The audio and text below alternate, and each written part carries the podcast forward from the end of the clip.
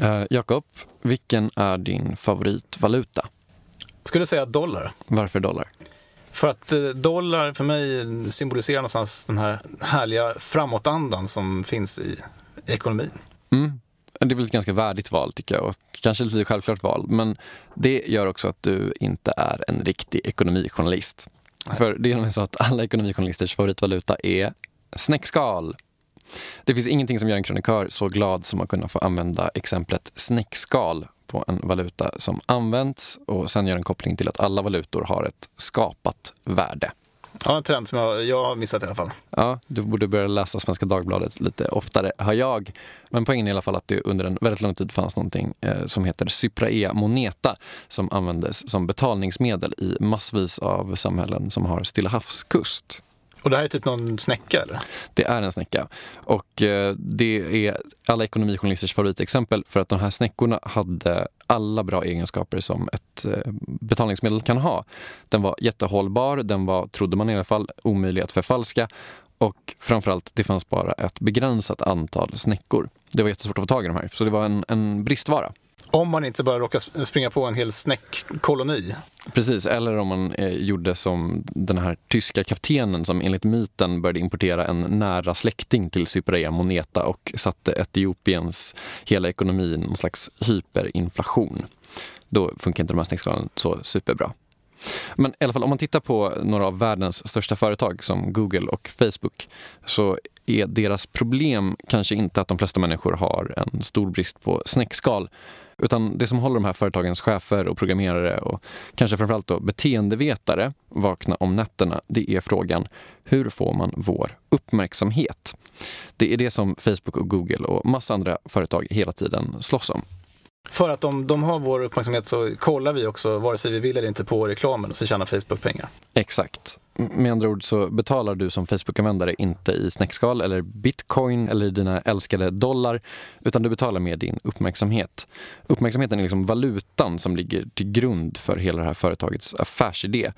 Man kan alltså tala om att de här företagen verkar i och således så lever också vi i en uppmärksamhetsekonomi. Och nu är det så, Jakob, att man kan inte tala om uppmärksamhetsekonomin utan att tala om en viss Tristan Harris.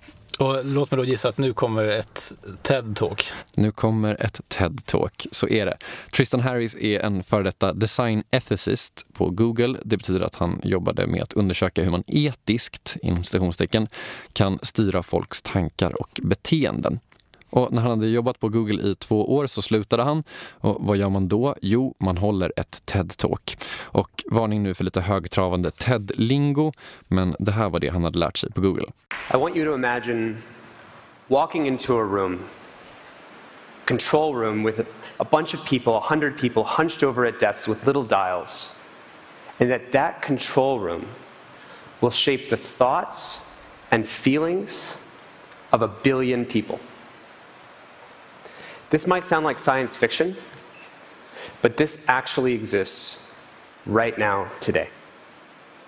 I know because I used to be in one of those control rooms. Så vad Tristan Harris menar här är alltså att de här företagen är villiga att göra i princip vad som helst för att få din uppmärksamhet. Lite läskigt egentligen, men också lite väntat, eller? Ja, det blir väl väntat i och med att de tjänar pengar på det.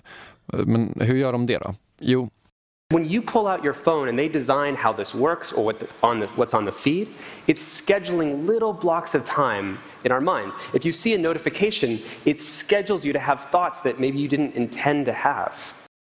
De använder alltså mekanismer som schemalägger vår tid utan att vi hade tänkt att vi skulle använda den tiden på det sättet. Och Det kan då handla om notifications som Tristan Harris pratar om eller att en video startar automatiskt när den video du tänkt titta på tagit slut.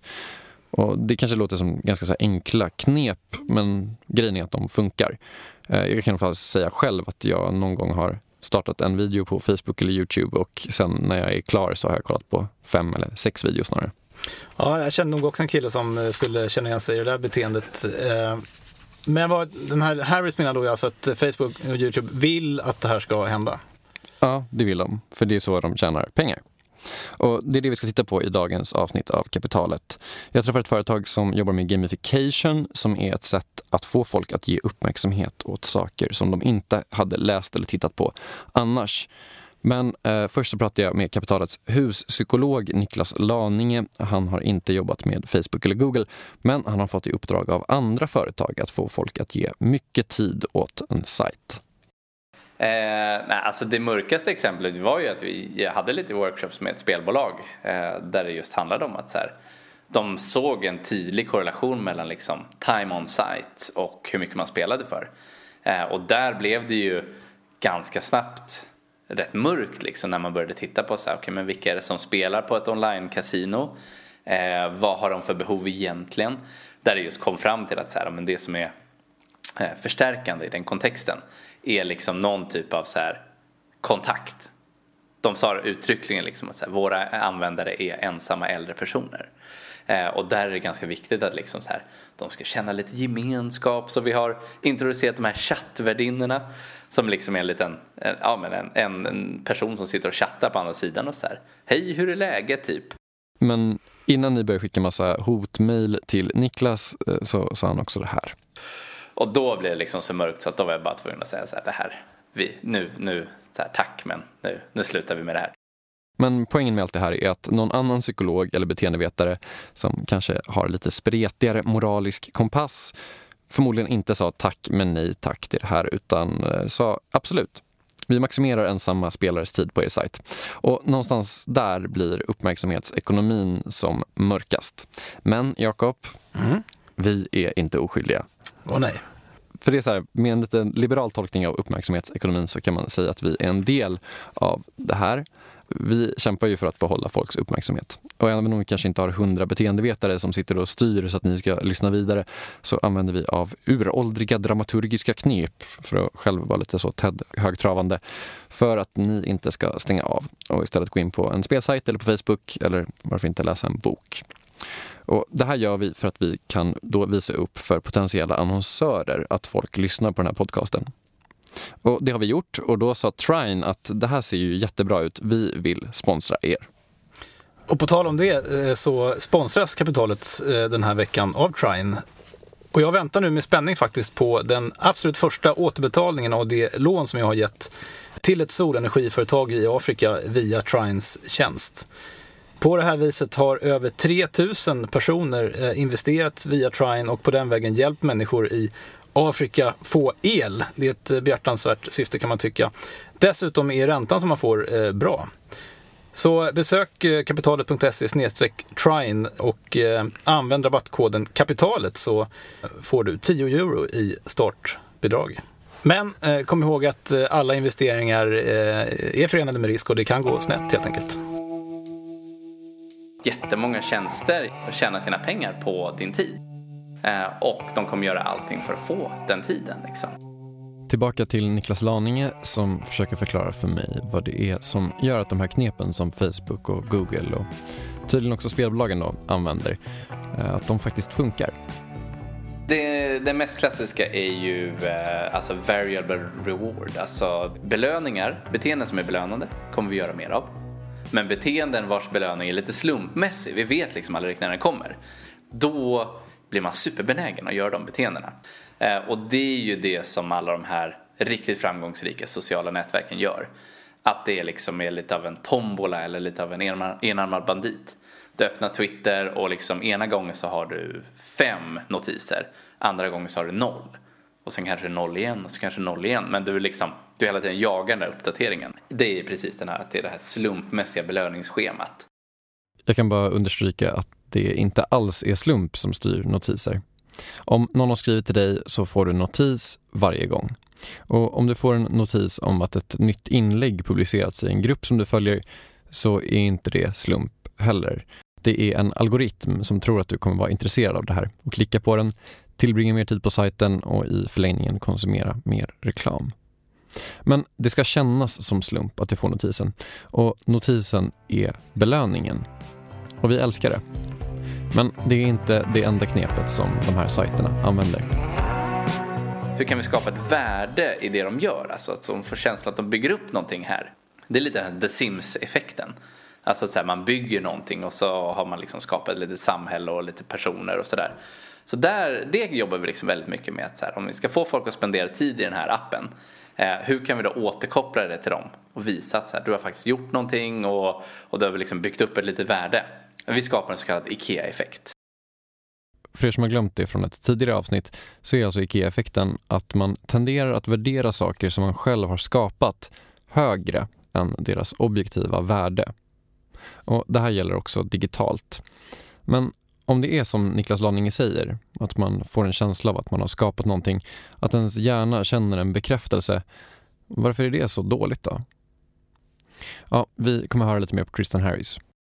The reason it feels like it's sucking us in the way it is is because of this race for attention. We know where this is going. Technology is not neutral. And it becomes this race to the bottom of the brainstem of who can go lower to get it.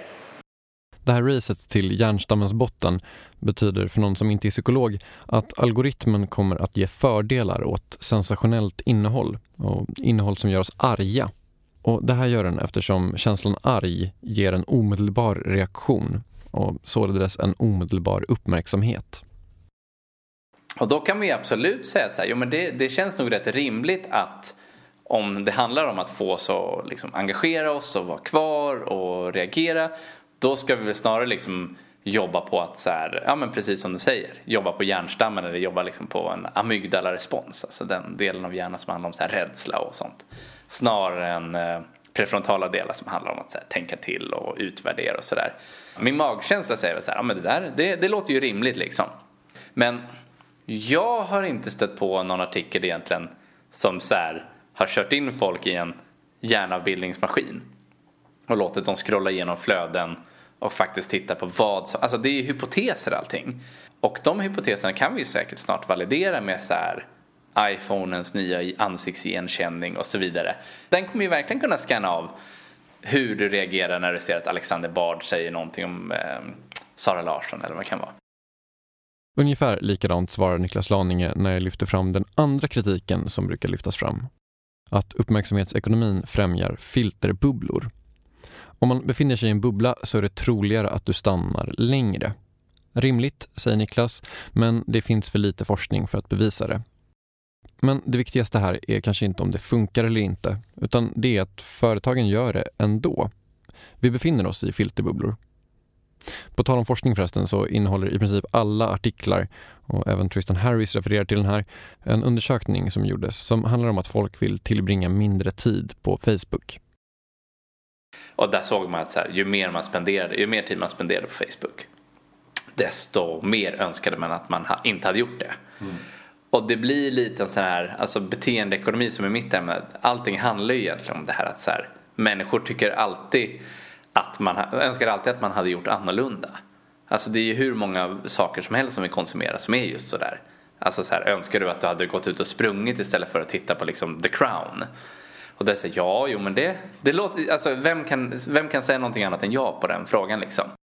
Här ska man komma ihåg två saker. Nummer ett, det är Tristan Harris jobb att propagera för farorna med uppmärksamhetsekonomin. Han tycker att det är underrapporterat att vi inte är konsumenterna på Facebook. Vi är produkterna som Facebook och Google och alla andra säljer vidare till annonsörerna. Och Det andra vi ska komma ihåg är att Niklas Laninge å andra sidan har jobbat, inte åt Facebook, men åt andra företag med att få tjänster att bli vanebildande. Just det är extremt svårt för övrigt. Och de flesta tjänster kommer att misslyckas med det, tror Niklas. Men även Niklas Laninge är såklart beredd att se problemen med uppmärksamhetsekonomin. Det är absolut för jäkligt att det sitter liksom tusen beteendevetare på Facebook som använder liksom alla mänskliga svagheter för att få dig att stanna kvar i appen. Men du måste kanske skifta, alltså liksom betalar du för något innehåll idag? Eh, liksom, finns det någonting du konsumerar som är liksom där du betalar med pengar och inte uppmärksamhet? Eh, för om du betalar med pengar då kommer de jobba mer på att skapa en, en bra tjänst snarare än en beroendeframkallande tjänst. Okej, så Niklas Laninge landar någonstans i den fria viljan. Även om man kan anse att det kanske inte är en superjämn match mellan en tjänst vi måste betala med riktiga pengar för och gratis innehåll som tusen beteendevetare försöker få oss att använda genom att hela tiden ge oss belöningar. Alldeles strax i kapitalet hur de här belöningarna kan ta sig form.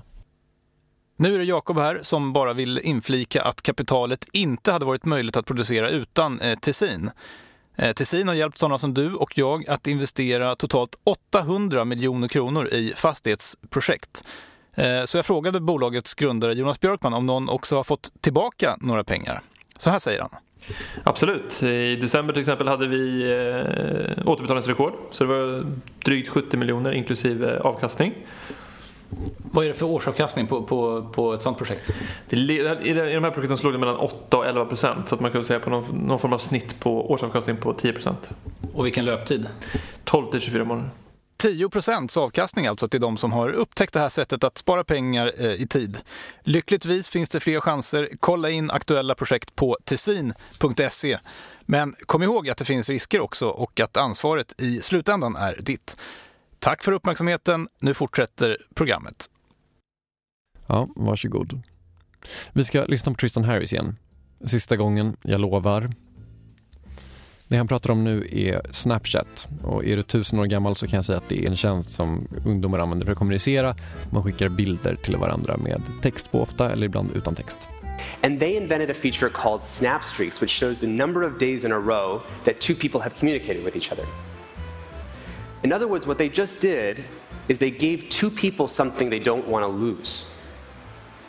Because if you're a teenager and you have 150 days in a row, you don't want that to go away. And so think of the little blocks of time that that schedules in kids' minds. This isn't theoretical. When kids go on vacation, it's been shown they give their passwords up to, to up to five other friends to keep their snap streaks going.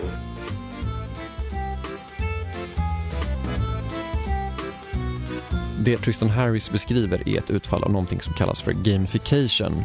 Ibland översätts det till spelifiering på svenska. Det det handlar om det är att man tar mekanismer från spel och överför det till verkliga livet. Eller som Olav Törnblom, VD för gamification-företaget Million Mind beskriver det.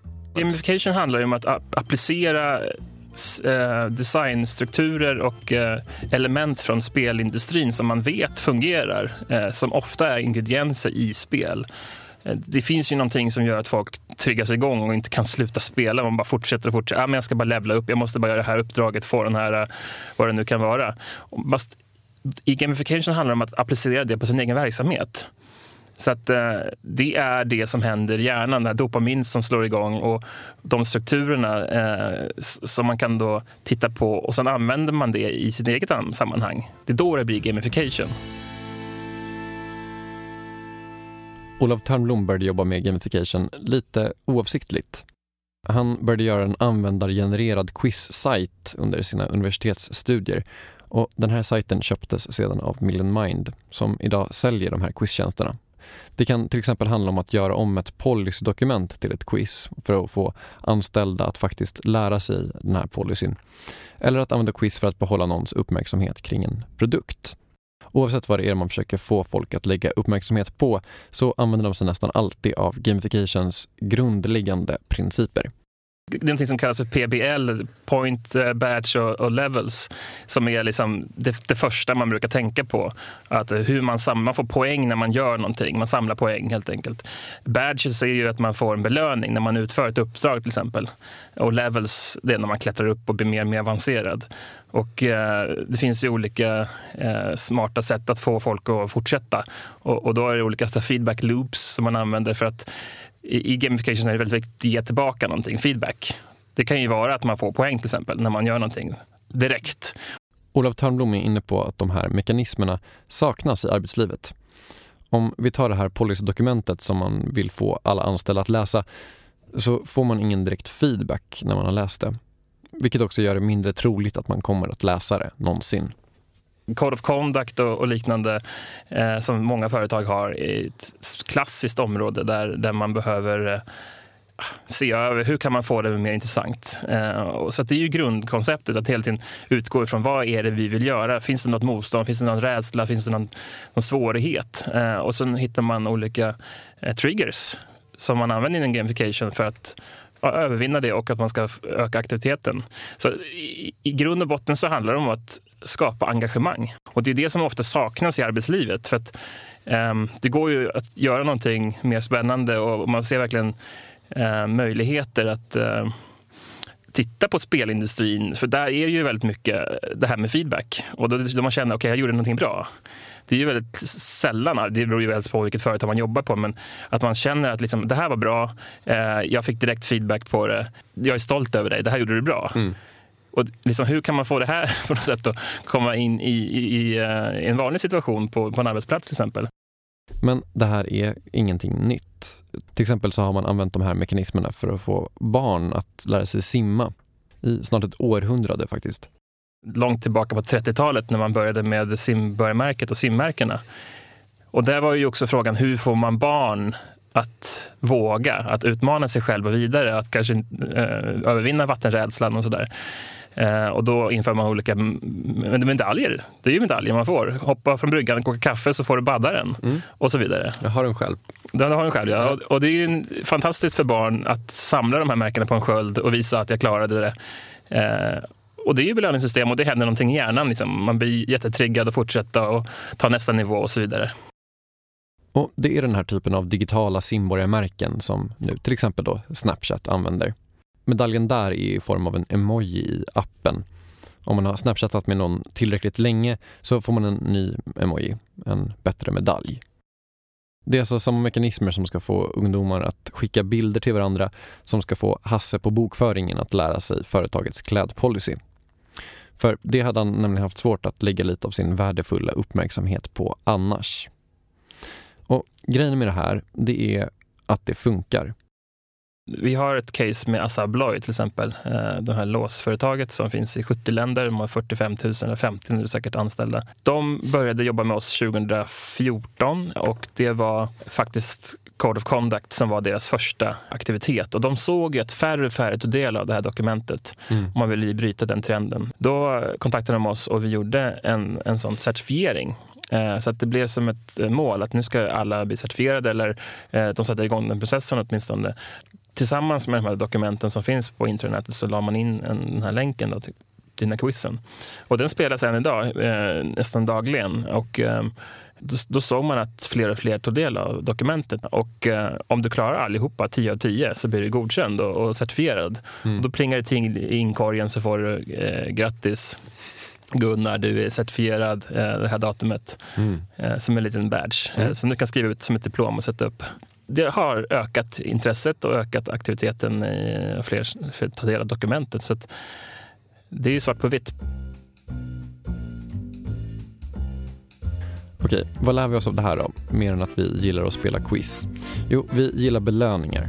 Det kan vara digitala medaljer eller notification och det här kommer företag att utnyttja för att få maximalt av din uppmärksamhet.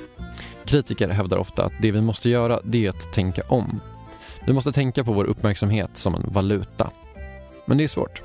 Vi älskar helt enkelt att inte betala några faktiska pengar så pass mycket. Det ser man ju gång på gång i studier att så här, om man jämför produkter som är, en produkt är gratis och den andra kanske bara kostar en cent. Alltså skillnaden i popularitet är ju liksom hundratals procent. Gratis gör ju folk galna liksom. Eh, och det spelar ingen roll om det är just som sagt gratis jämfört med en krona. Mm. Eh, för det är, alltså jag menar vi gör ju, människor är ju lite nyttomaximerande på det sättet att vi vill ju göra saker som inte har liksom direkt negativa konsekvenser. Och om man måste betala så är det en negativ konsekvens, tyvärr. Eh, och betala med sin uppmärksamhet, det ser vi ju långt senare.